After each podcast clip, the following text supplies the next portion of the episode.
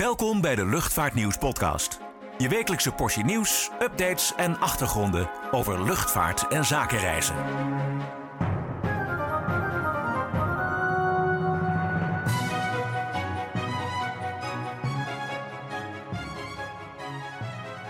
Welkom bij een nieuwe aflevering van de Luchtvaartnieuws podcast. Mijn naam is Niek Vernooy en ik word deze keer vergezeld door mijn collega Niel Luidwieler. Zoals altijd bespreken we weer een aantal opvallende nieuwsitems uit de luchtvaart. Aan bod komen deze, komen deze week de ontwikkelingen rond het Europese coronapaspoort, wifi op Europese KLM-vluchten en nieuws over Etihad Airways. De gast is Rick Mobach, sales manager Benelux van American Airlines. Met hem praten we zo meteen over de plannen van die maatschappij op Schiphol. Maar eerst het coronapaspoort, waar de Europese luchtvaart- en reissector met smart op zit te wachten. Degene met dit Digital Green Certificate op zak, of eigenlijk op hun smartphone, kunnen straks eenvoudig aantonen dat ze zijn gevaccineerd, negatief getest of niet besmettelijk zijn door een eerdere coronabesmetting en dus zonder restricties kunnen reizen binnen Europa. Maar de invoering laat op zich wachten, tot ongenoegen van de luchtvaartsector zelf. Niel, jij weet meer. Het uh, probleem is vooral dat we nog niet weten wanneer het ingevoerd wordt. De Europese Commissie streeft naar juni, om begin juni een proef te doen en het dan eind juni echt uh, in te gaan voeren. En dat wil de luchtvaartsector ook graag, maar ja, of dat gaat lukken is natuurlijk de vraag. Uh, de overheid en IT-projecten is nou niet echt een goede combinatie geweest in het verleden. En ja, nu beginnen ze de luchtvaart natuurlijk wel een beetje zenuwachtig te worden. Want ja, straks gaat er weer een zomer uh, verloren. En dat kunnen ze natuurlijk niet hebben. Dus daarom hebben we nu ook weer drie belangrijke luchtvaartorganisaties. Waaronder Airlines for Europe namens de grote luchtvaartmaatschappijen. En uh, Airports Council International namens de luchthavens weer een brandbrief gestuurd. Maar ja, om dat nog even te benadrukken van hé, hey, je zet hier vaart achter. Want dat is hartstikke belangrijk voor ons. Ja, waar maken de organisaties zich het meeste zorgen over? Uh, de implementatie, operationele werking. Uh, zo is er bijvoorbeeld het idee dat er dan geen centrale database komt, maar dat elk land het dan weer apart regelt. En ook houden lidstaten de vrijheid om eventueel weer aanvullende restricties op te leggen, ook voor mensen met zo'n coronapaspoort. Dus ja, er zijn nog heel veel vragen over. Uh, waarom is het coronapaspoort zo belangrijk voor de sector eigenlijk? Uh, wij zijn heel hard geraakt door de, de coronacrisis natuurlijk, zoals iedereen weet. En ze zeggen van ja, komende zomer wordt een make it or break it moment als het nu weer misloopt, als er weer geen grootschalig reizen mogelijk is, dan kan het wel eens voor veel luchtvaartmaatschappijen het einde betekenen. En daardoor kunnen ook veel mensen hun baan verliezen. Dus uh, in de luchtvaart, in ieder geval door die partijen die de brief hebben gestuurd, wordt zo'n coronapaspoort wel eens heel belangrijk gezien om het uh, toerisme binnen Europa weer op gang te brengen. Um, ik heb eerlijk gezegd wel mijn twijfels of dat echt zo is. Uh, de, weet je, als het niet op tijd is, dan gaan die Zuid-Europese landen echt niet hun grenzen komende zomer gesloten houden of allerlei ingewikkelde restricties invoeren. Hun economie is voor een belangrijk deel afhankelijk van toerisme. En uh, ja, bovendien is dan al een groot deel van de bevolking gevaccineerd. We weten uit onderzoek dat in de zomer de omstandigheden minder gunstig zijn voor het virus om zich te verspreiden. Dus ja, ik denk toch dat de kans wel redelijk groot is dat we deze zomer op vakantie kunnen. Uh, ongeacht of dat coronapaspoort er nou komt of niet. Uh, maar ja, je weet het natuurlijk nooit in deze gekke tijden. En ik snap wel dat de luchtvaartsector uh, graag duidelijkheid wil. Ja, absoluut. Elders in de wereld is ook hard gewerkt aan de totstandkoming van zogeheten air travel bubbles. Om reisrestricties op internationale vluchten te versoepelen. Een van de eerste vliegbubbels ging begin deze week van start tussen Australië en Nieuw-Zeeland. En het Verenigd Koninkrijk werkt aan bubbels met Malta en Israël. De voorgenomen start van een air travel bubbel tussen Singapore en Hongkong werd al meerdere keren uitgesteld vanwege nieuwe besmettingsgevallen in beide steden. Dan nu American Airlines. Deze luchtvaartmaatschappij was op 12 april 20 jaar actief op Schiphol.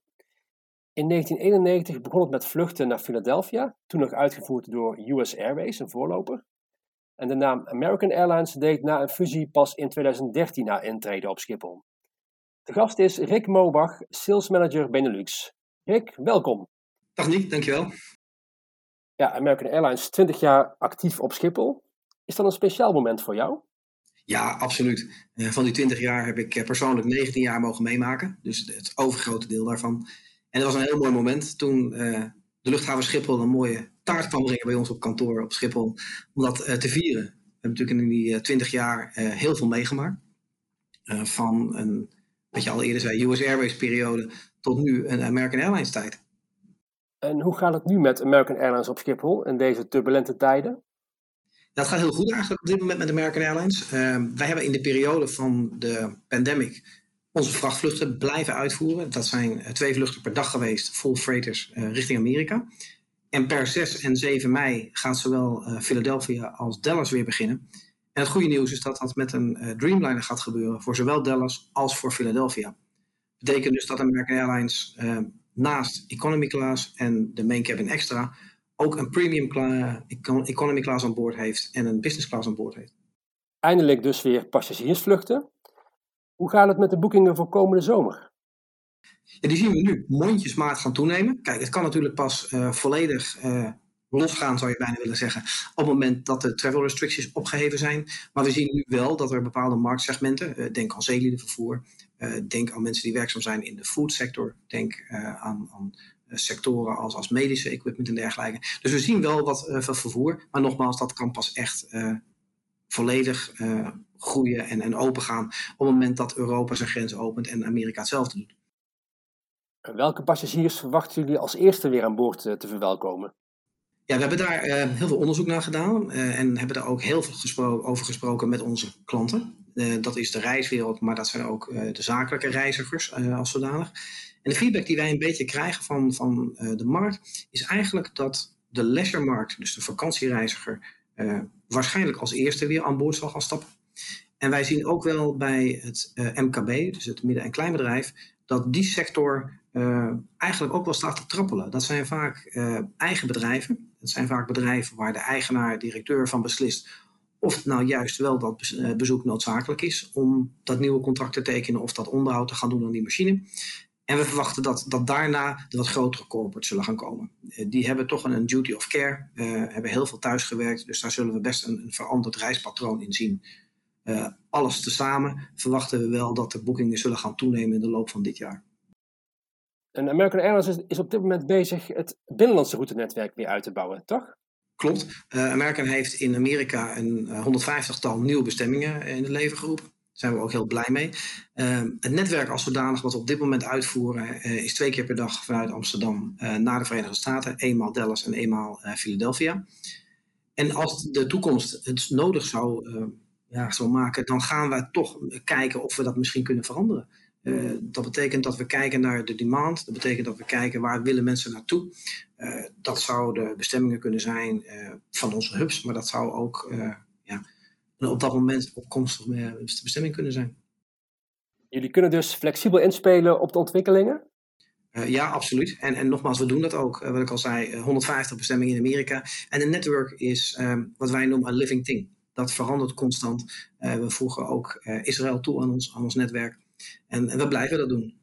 we denken ook dat dat belangrijk is. We hebben daar ook de vloot voor. We hebben deze hele afgelopen periode gebruikt om onze vloot te vernieuwen. We vliegen op dit moment met de jongste vloot van alle Amerikaanse carriers. Hebben heel veel oudere toestellen geparkeerd. Dus we zijn ready. Dankjewel Rick. Laten we hopen dat de reisrestricties voor transatlantische vluchten snel versoepeld worden. Een uitgebreid artikel over American Airlines verschijnt volgende maand in Luchtvaartnieuws Magazine. We gaan er even uit voor een korte break. Word nu abonnee en ontvang 12 keer per jaar het Luchtvaartnieuws Magazine. En onbeperkt toegang tot nieuws en achtergronden op luchtvaartnieuws.nl en zakenreisnieuws.nl. Ga voor meer informatie naar luchtvaartnieuws.nl/slash abonneren. Wifi aan boord is voor steeds meer passagiers niet meer weg te denken. Op de meeste lange vluchten is het al standaard beschikbaar, op vluchten binnen Europa nog lang niet altijd. Goed nieuws voor KLM-passagiers die graag online blijven. De maatschappij is gestart met het installeren van wifi-technologie op de Europavloot. Ja, klopt. In eerste instantie gaat het alleen om een deel van de Boeing 737-vloot. Het is de bedoeling dat aan het eind van dit jaar 18 van die toestellen uh, wifi of wifi, uh, hoe je het ook uitspreekt, aan boord hebben. Ja, dat is dus KLM. Maar hoe zit het met de vloot van KLM Cityhopper? Alleen de nieuwe Embraer E195 E2's krijgen het. Uh, wanneer precies is nog niet bekend. Uh, dat wordt uh, later door KLM onthuld. in februari had Luchtvaartnieuws Magazine een interview met Cityhopper topman Warner Roodliep. En toen vertelde hij tegen onze collega Klaas-Jan Verwoerkom, die nu tijdelijk met verlof is trouwens, dat de certificering nog niet rond was. We weten niet hoe, dat, hoe ver ze nu zijn met dat proces, maar dat kan dus nog wel even duren. Ja, en uh, is al bekend hoeveel passagiers voor die wifi moeten gaan betalen op de Europese vluchten? Ja, het mooie is, als je alleen wil WhatsAppen of uh, Facebook Messenger of zo wil gebruiken, dan is dat gratis. Uh, als je meer data wil gebruiken om bijvoorbeeld het, over het internet te surfen, online te shoppen, dan betaal je 8 euro voor de vlucht. Wil je het allerhoogste pakket hebben, dat je ook echt kan Netflixen en zo, dan betaal je 12 euro. En die internetpakketten kun je tijdens de vlucht aanschaffen via het KLM Portal. Ja, en KLM gaf ook een update over de installatie van wifi op de intercontinentale vloot. Op dit moment is dat alleen beschikbaar aan boord van alle Boeing 787's en Airbus A330's. De inbouw in de Boeing 777-vloot is op dit moment nog bezig. Al met al is daarmee 81% van de longhaul-vloot uh, wifi beschikbaar. In het eerste kwartaal van 2022 moeten alle passagiers aan boord van verre KLM-vluchten online kunnen gaan. En dan nu nog even een uitstapje naar Abu Dhabi. Deze week maakte Etihad-topman Tony Douglas bekend dat alle Boeing 777-300ES eruit gaan. Ja, ze hebben in totaal 19 van die toestellen. Die moeten voor het eind van het jaar uit zijn. Niet omdat ze zo oud zijn. Ze zijn gemiddeld 10 jaar oud. Sommige pas in 2013 of 2014 geleverd. Maar het heeft alles te maken met de reorganisatie. Uh, al voor de coronacrisis leed Etihad miljarden verliezen. ze hadden natuurlijk die mislukte investeringen Alitalia, Air Berlin, Jet Airways. Nou, we weten allemaal hoe het daarmee afgelopen is. Er werd, er werd veel te weinig op de kosten gelet. het ging heel erg over de meest luxe zijn. En daardoor stapelden verliezen zich maar op. En op een gegeven moment uh, had de overheid van Abu Dhabi daar genoeg, in, uh, genoeg van. Ze uh, wilden niet nog meer geld in steken. En sindsdien zijn ze flink aan het reorganiseren. de afgelopen jaren zijn al de Airbus A330's verdwenen. Iets daarvoor ook de A340's. En nu gaan ze ook de 777's wegdoen. behalve dan de vrachttoestellen en ook de Airbus A380's. Dat laatste was er wel een paar weken vrij duidelijk ze staan al sinds het begin van de crisis aan de grond, die A380's, en ze zijn ook van de vlootpagina verwijderd. Is wel een beetje pijnlijk voor Etihad. Ja, het was echt een vlaggenschip. Ze hadden natuurlijk de residence aan boord. Zo'n heel luxe first class appartement, uh, waar hele rijke passagiers dan een eigen slaapkamer hadden, een eigen woonkamertje, een eigen badkamertje, een eigen butler. En ja, daar werd heel veel mee geadverteerd. Van kijk, wat een extravagante luxe. Maar ja, daar komt nu dus ook een einde aan. Vind ik wel jammer. Ik had graag een keer meegevlogen. Ja, absoluut. Dat was echt het, uh, het meest luxueuze product wat er uh, beschikbaar was, afgezien van zakenjets. Uh, maar wat blijft er eigenlijk nog over van hun vloot? de topman Tony Douglas die zei dat ze zich voor een long vloot in ieder geval echt gaan richten op de Boeing 787's, de Dreamliners dus, en de Airbus A350's. Zo wordt de operatie een stuk eenvoudiger, dus goedkoper. En bovendien zijn dat natuurlijk hele zuinige toestellen die qua formaat ook beter bij het nieuwe Etihad passen. Want ja, ze willen niet langer een mega grote maatschappij uh, zijn. Ze willen niet langer Emirates uh, naar de kroon steken. Maar nu wat kleinere boutique airlines, zeg, zo zeggen ze het zelf. Al moet dat wel in perspectief gezien worden. Want uh, straks als alle 787's en A350's geleverd zijn, hebben ze nog steeds bijna 100 widebody toestellen. Dan hebben ze ook nog die A320's en A321's voor korte regionale vluchten. Dus het blijft een redelijk grote maatschappij. Maar niet meer zo groot als, uh, als ooit de bedoeling was. Uh, die hele rivaliteit met Dubai van ja, wie heeft de grootste, meest luxe maatschappij, die komt niet meer terug. En trouwens, uh, die A350 is nog wel goed om te zeggen. Ze hebben daar al een paar van ontvangen, maar die zijn na de levering uh, direct in de opslag geplaatst. Omdat ze er nu geen behoefte aan hebben. Maar het is wel de bedoeling dat die uh, uiteindelijk dus in dienst gaan komen. Ja, ze hebben daarnaast toch ook nog 777-9's in bestelling staan? Ja, klopt. Uh, ze willen nog niet zeggen wat ze daarmee gaan doen of ze die in dienst gaan nemen. Maar eerlijk gezegd lijkt die kans me niet zo heel groot. tenzij het misschien ineens weer heel goed gaat ergens in de komende jaren. Maar het zijn wel hele grote toestellen. En ja, ze doen juist nu die huidige 777's eruit en A380's. Dus dat lijkt me niet heel logisch. en waarschijnlijk kan er wel een deal worden gemaakt met Boeing om bijvoorbeeld die order te annuleren en in ruil ervoor wat extra Dreamliners af te nemen. Maar ja, dat zullen we nog even moeten afwachten. We gaan het zien. Dankjewel Niel.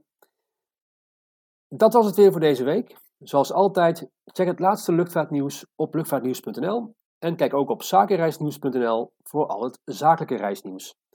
En vergeet u niet te abonneren op deze podcast. Tot de volgende keer.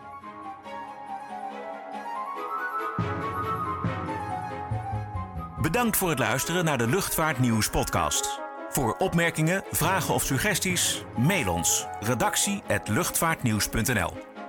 Een fijne dag en graag tot de volgende podcast.